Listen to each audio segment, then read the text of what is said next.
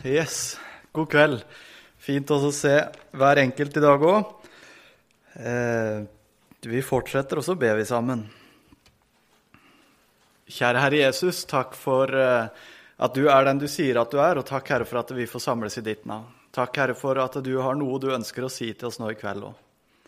Vi ber deg, Herre, om at du må sette oss sånn at vi ser deg, at du tar vekk alt det som må sperre for alt det som må ta vår oppmerksomhet, og så må du vise oss hvem du er, og hva du har å si, Herre. Det ber vi om i ditt navn.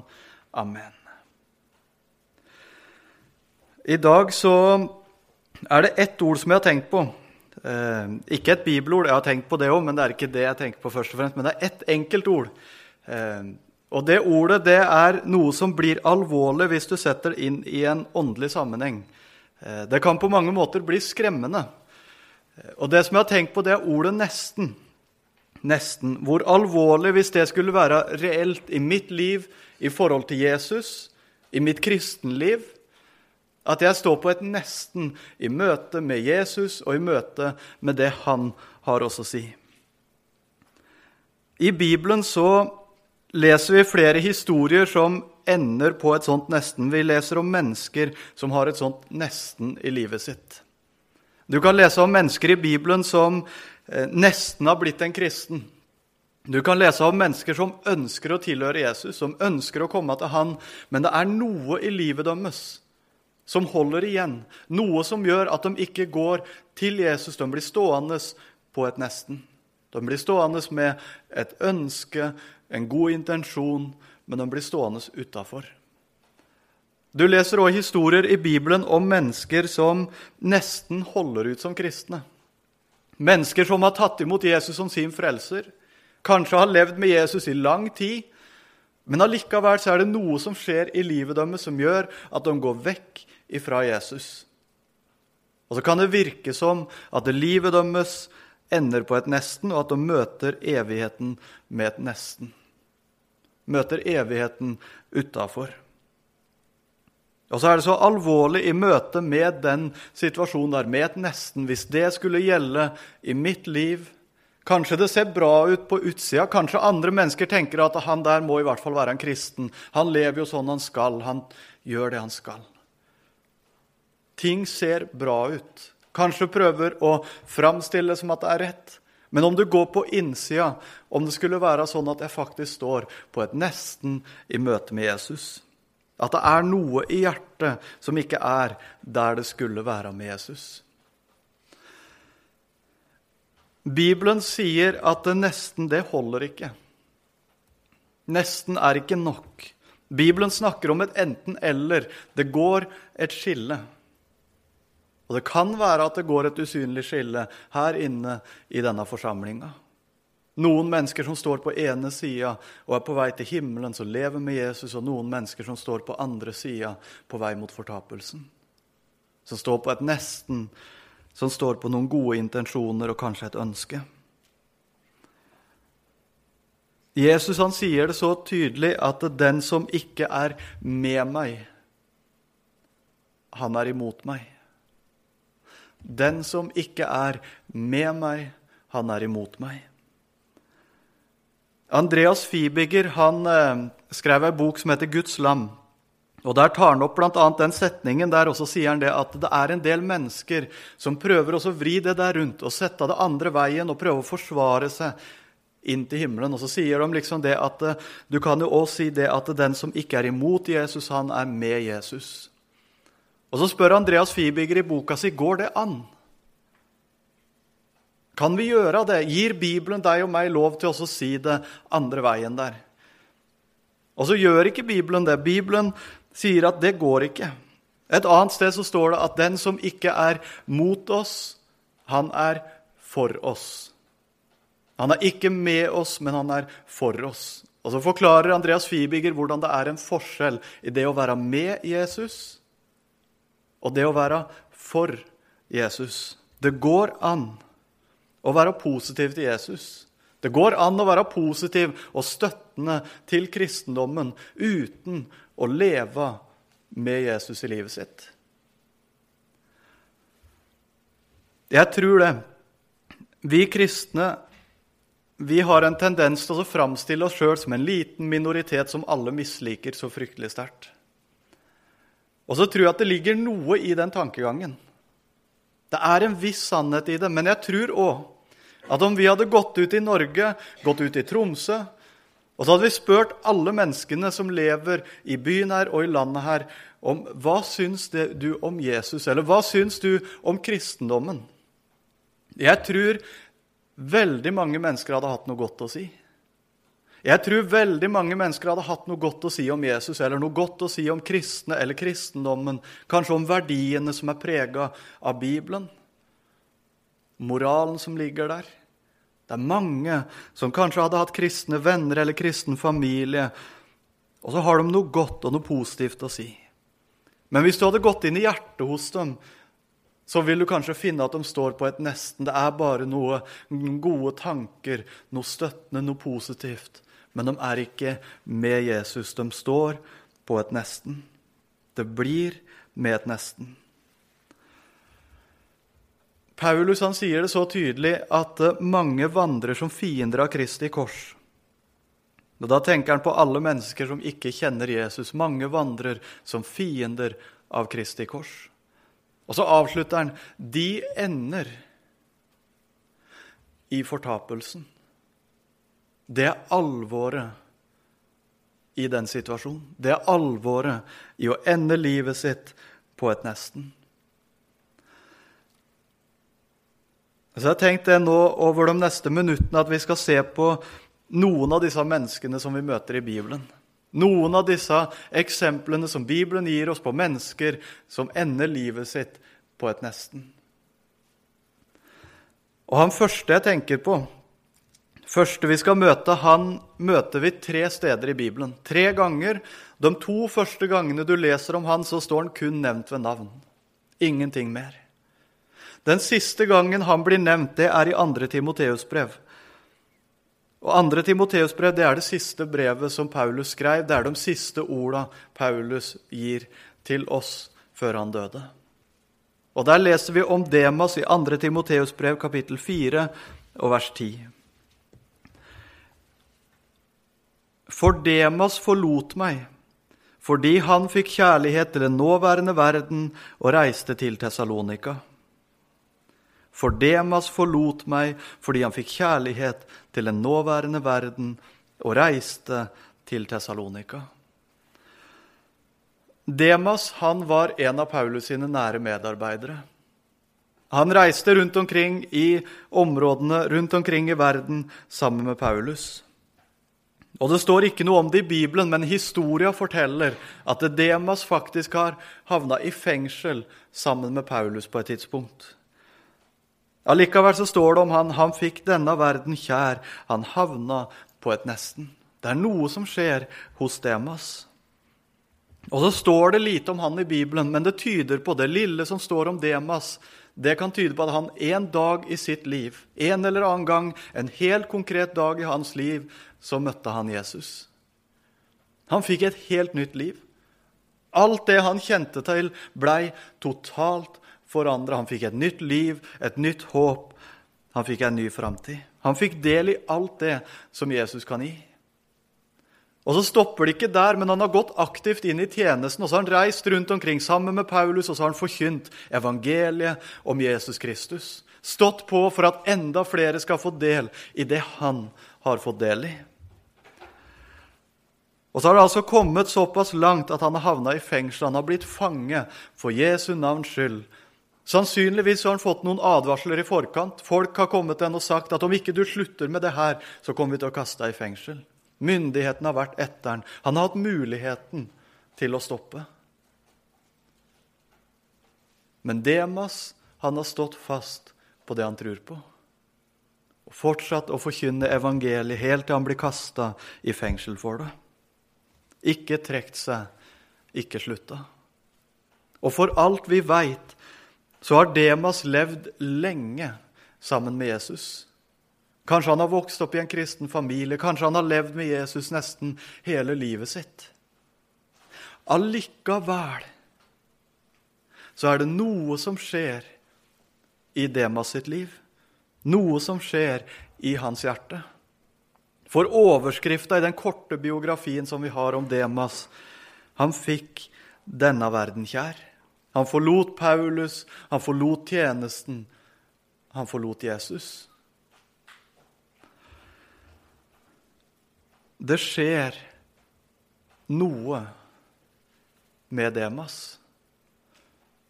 Og så sier ikke Bibelen noe konkret om akkurat hva det er. Det eneste vi får Han fikk denne verden kjær.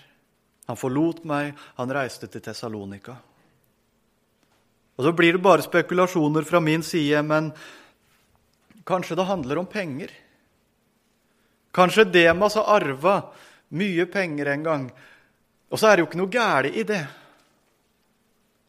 Det kan tvert imot være bra. Men kanskje det har blitt sånn for Demas at disse penga har blitt så store for han.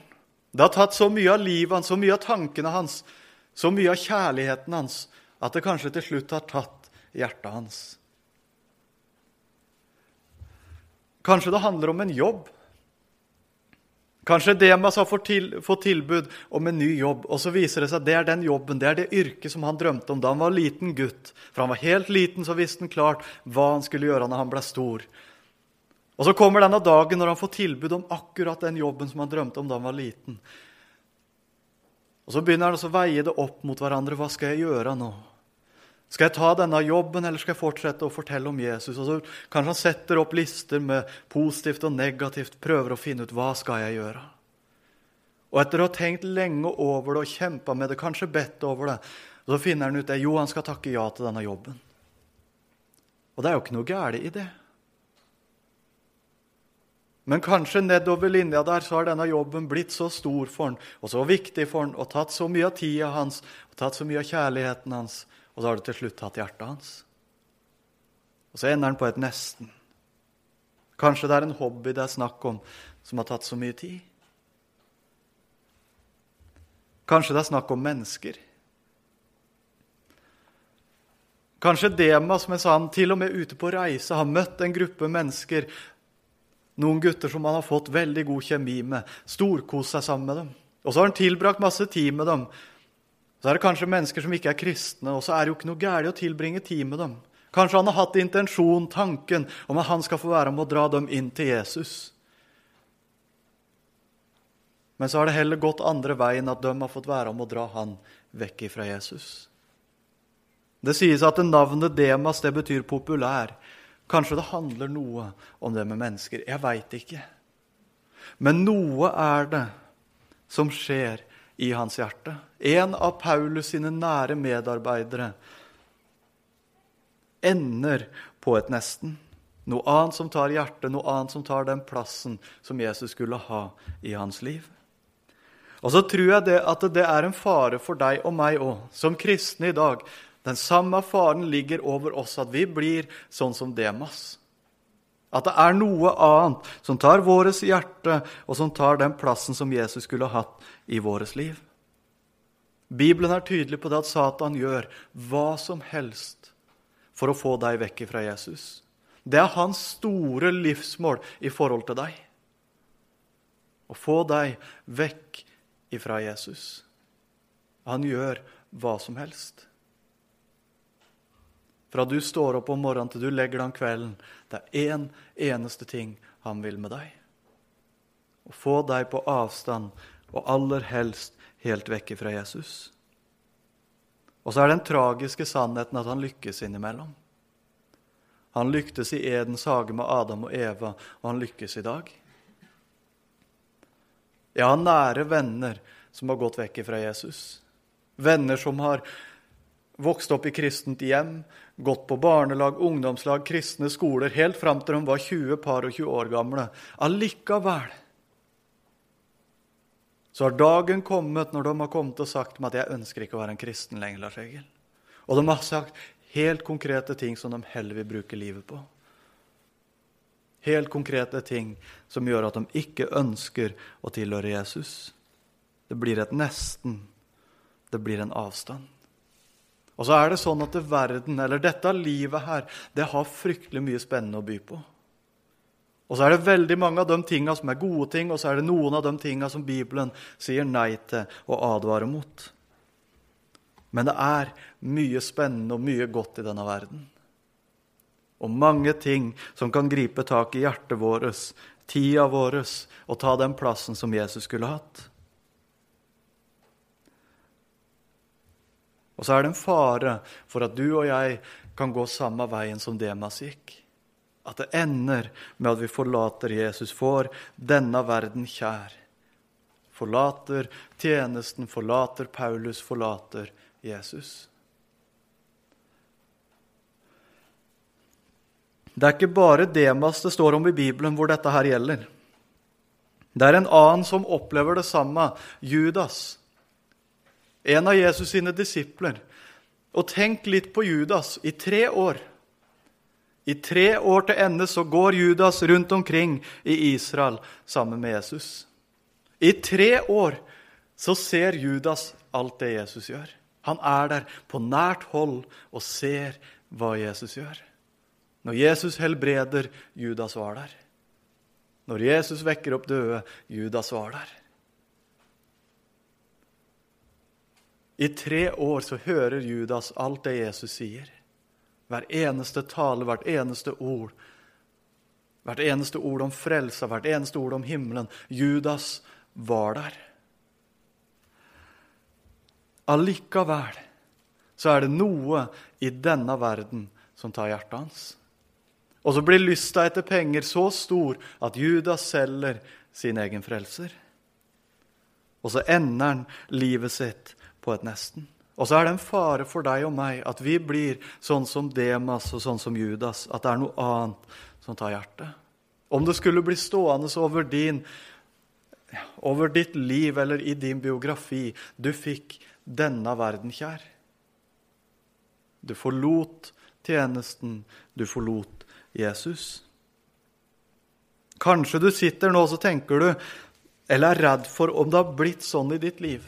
Det kan være at du sitter her og tenker sånn at det er noe som er har blitt så stort og så viktig i ditt liv at du tror kanskje det har tatt den plassen som Jesus skulle ha. Du er ikke der med Jesus som du en gang var. Du vil kanskje være der, men du veit det. Jeg er ikke der. Det er noe annet som er større i livet ditt. Noe annet som er viktigere, noe annet du heller bruker livet på. Da skal du høre hva Bibelen sier til deg, for Gud han går og roper den dag i dag. Vi kan lese Jeremia 3, også vers 12.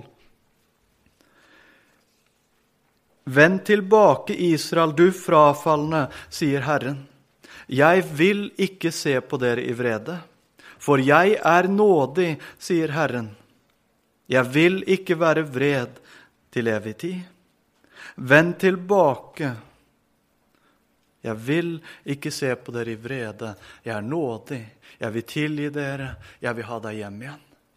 Det er en Gud som roper på deg nå i dag. Gud er nådig. Gud kaller på deg. Ikke gjør sånn som Demas. Én ting er at han reiser fra Paulus, og at han reiser til Tessalonika. Én ting er at han får denne verden kjær, men istedenfor å gå til Jesus og be om tilgivelse og be om nåde og få komme til han igjen, så reiser Demas til Tessalonika. Eller Judas. Jesus er så full av nåde at om Judas hadde kommet til Jesus etter at han hadde solgt Jesus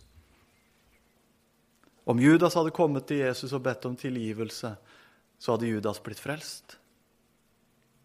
I stedet for så sier Bibelen at Judas gikk vekk, og så tok han sitt eget liv. Nesten. Det holder ikke. Nesten. Det er så altfor lite. Det handler om å fullføre løpet. Det handler om å stå veien ut. Paulus han sier det rett før han snakker om Demas, så sier han, 'Jeg har stridd den gode striden. Jeg har fullendt løpet, bevart trua.' Nå ligger seierskrona og venter på meg der framme. Og så et par vers lenger ned. Demas, han fikk denne verden kjær. Han forlot meg. Han forlot Jesus.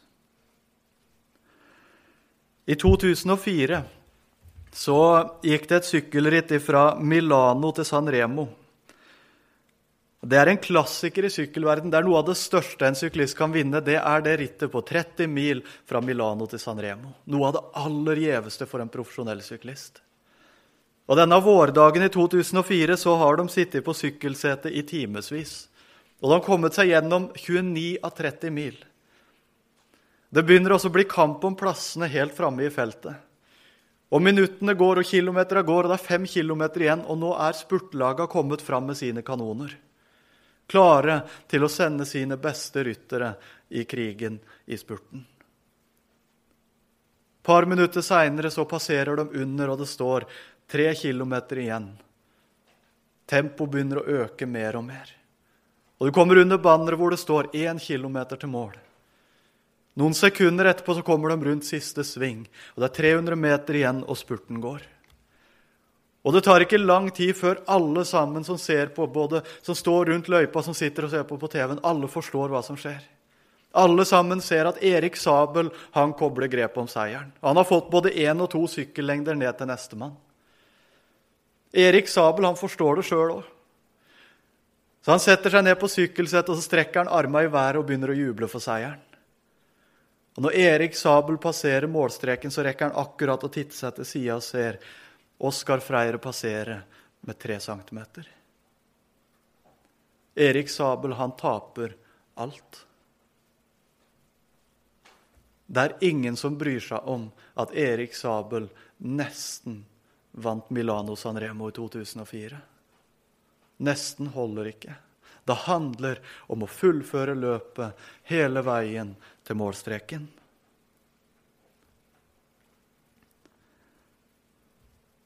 Og så har jeg tenkt på det i dag. At det er ikke bare for den som er kristen, at nesten ikke er nok. Det er ikke bare for den som er kristen, at det gjelder det å komme hele veien til målstreken.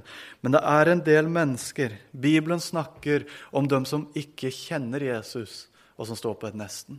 Og sier at det heller er ikke nok. Om det er gode intensjoner, om det er gode tanker, om det er positive tanker, det er ikke nok. Det er ikke der det ligger. Kanskje du sitter her i kveld, og så er du faktisk en av dem som er positiv. Som står der at du tenker mye godt, du tenker kanskje at du skulle gjerne vært en kristen, men det er noe som holder igjen. Det er noe som gjør at du står der og liksom ikke kommer inn til Jesus. Det er noe du veit det, det er ikke sånn det skulle være. Kanskje du tenker at du skal bli kristen en gang, men det er bare ikke lagt seg sånn til rette ennå at du skal det nå. Hør hva vi skal lese nå. Vi skal lese en historie i Matteus 19. Nå skal vi lese fra vers 16 til 22 om den rike unge mannen.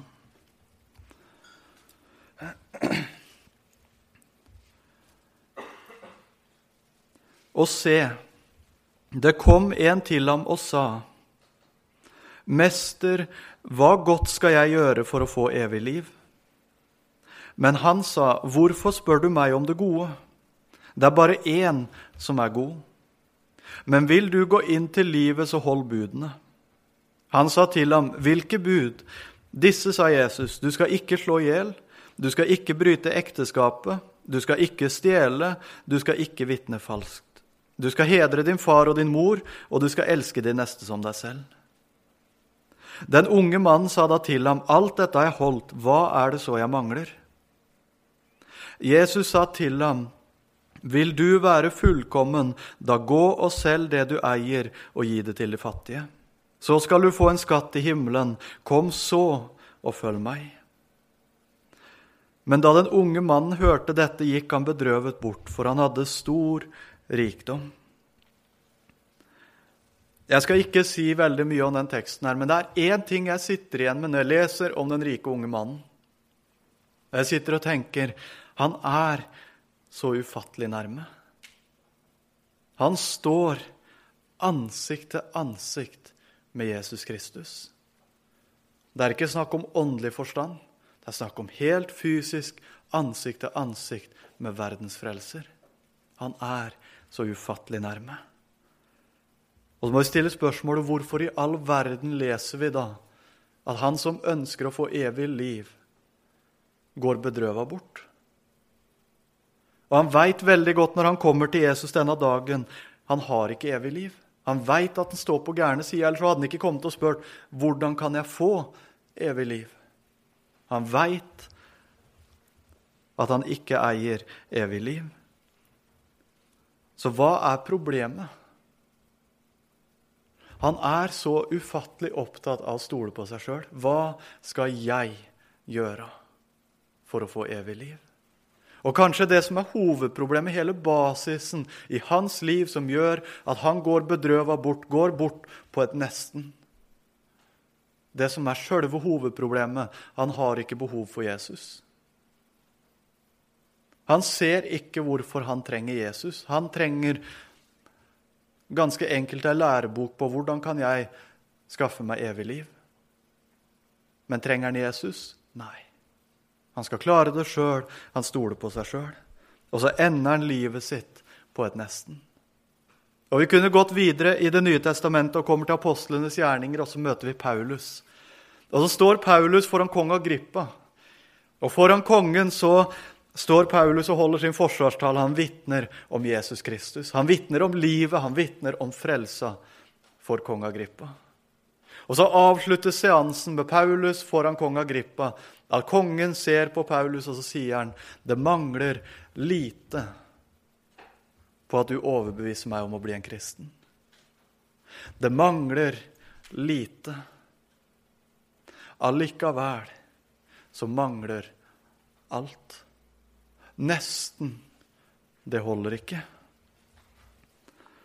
Og så sitter du kanskje her, og så er du like nærme. Og så står du der ansikt til ansikt med Jesus nå i kveld. Så vil du så gjerne være en kristen, men det er noe som holder igjen. Du merker et kall, du veit at det ligger noe i dette her med Jesus. Men det er noe som står på andre sida og holder deg tilbake og drar igjen. Og gjør at det blir så vanskelig, hele greia. Ikke bli stående i den situasjonen i kveld. Ikke bli stående på det der nesten. Ikke bli stående i en usikker situasjon hvor du ikke veit hvor du egentlig er hen. For det er én som står og kaller på deg i kveld. Det er én som står med åpne armer og sier 'kom til meg'. Ingen forbehold, ingen krav. Kom til meg. Jeg vil deg hvile, jeg vil deg liv, jeg vil deg frelse, jeg vil deg en evighet. Jeg vil deg alt det du trenger. Kom til meg, så kan du få være trygg. Kom til meg, så er du på den rette sida. Kom til meg, så kan du få gå mot livet. Det er nåde nok for deg akkurat nå i kveld. I morgen kan det være for seint. Men nå i kveld, om du hører min røst, så forherd ikke ditt hjerte. Kom til meg. I 1968 så var det sommer-OL i Mexico. Den siste øvelsen under sommer-OL i 1968, det var eh, maraton. 42 km blodslitt. Vinneren av OL-maratonet det året det var Mamo Volde fra Etiopia. Men det var en annen som ble huska i ettertid, og det var John Stephen Aquari fra Tanzania. John Stephen Aquari han var ikke vant til høyden der i Mexico. Så etter 19 km så kollapser John Stephen. Han deiser i bakken. Og når han treffer bakken, så slår han kneet sitt ut av ledd. Blodet strømmer. Han er totalt utslitt. Det kommer noen funksjonærer løpende til, helsepersonell, og de får hjelpe han, og de får lappe han litt sammen, prøvd å stoppe blødningene og få ordna kneet hans. Og så sier de naturlig nok til han at du kan ikke fortsette, du må gi deg. John Steven Akari han ser tilbake på dem og rister på huet og sier nei, han skal ikke gi seg. Og de prøver å si til henne du må forstå, du kan ikke fortsette her. Det er ikke sikkert kneet ditt er i orden. Du blør, du er utslitt. Det kommer bare til å ende enda en gang med at du kollapser. Du får ikke fortsette. Men John Steven Akvari han blånekter. Det er ikke snakk om at han skal gi seg. Til slutt så forstår de det at de må bare la ham fortsette, så de hjelper han på beina igjen. De gir han litt å drikke og litt å ete på. Og John Steven Akvari fortsetter løpet. En time etter vinneren så kommer John Steven Akvari inn på stadion. Mørket har falt på, de fleste har gått hjem. Det er bare noen få tusen som sitter igjen på tribunene og heier fram John Steven Akvari rundt de siste 400 metera før han detter over målstreken. På pressekonferansen etterpå så er det en journalist som stiller spørsmålet Hvorfor ga du deg ikke? Hvorfor ga du deg ikke?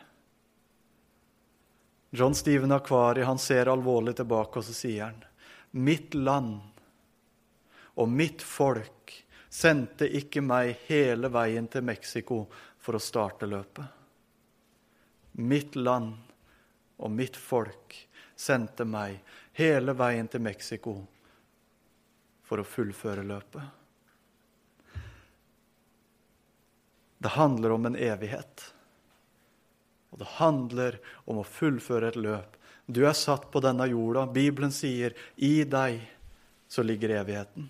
Det står om noe ufattelig mye større enn disse korte åra på denne jorda. Så handler det om å nå hele veien hjem til himmelen. Hvordan kan jeg være sikker på at jeg når dit? Og det er da Bibelen sier i dag, og han kommer til å si det samme i morgen, han kommer til å si det samme i overmorgen, han kommer til å si det samme hver eneste dag av ditt liv. Kom til Jesus. Vær hos Jesus. Lev hos Jesus. Gå til Han med hele ditt liv, alt du møter, alt du er, alt du har. Legg det hos Jesus. Der kan du være trygg. Der kan du vite at hos Han så kommer du også til å nå hele veien hjem. Du er satt her ikke for å starte løpet, men for å fullføre løpet. Kjære Herre Jesus, takk for Takk, Herre, for at du har gjort det sånn at evigheten ligger i hvert eneste menneskehjerte. Takk, Herre, for at det, det handler ikke bare om noen korte år på denne jorda, et ufullkomment liv, noen gleder som jeg kan klare å opparbeide meg, men det handler om en evighet, og en evig glede og en evig seier hjemme hos deg. Herre, må du gjøre det sånn at det er vi som er samla her inne i kveld, at vi får stå på den rette sida. At vi ikke står på et nesten, men at vi står inne i tryggheten, inne i sikkerheten, inne hos deg. Herre, det ber vi deg om. Og om det skulle være sånn at det sitter noen her i kveld som fortsatt står på et nesten, Herre, må du gå til dem nå i kveld og så kalle på dem. Og så må du vise hvem du er, hva du har, og så må du gi dem seier og trygghet og frelse og hvile nå i kveld. Det ber vi deg om i ditt navn, Herre Jesus. Amen.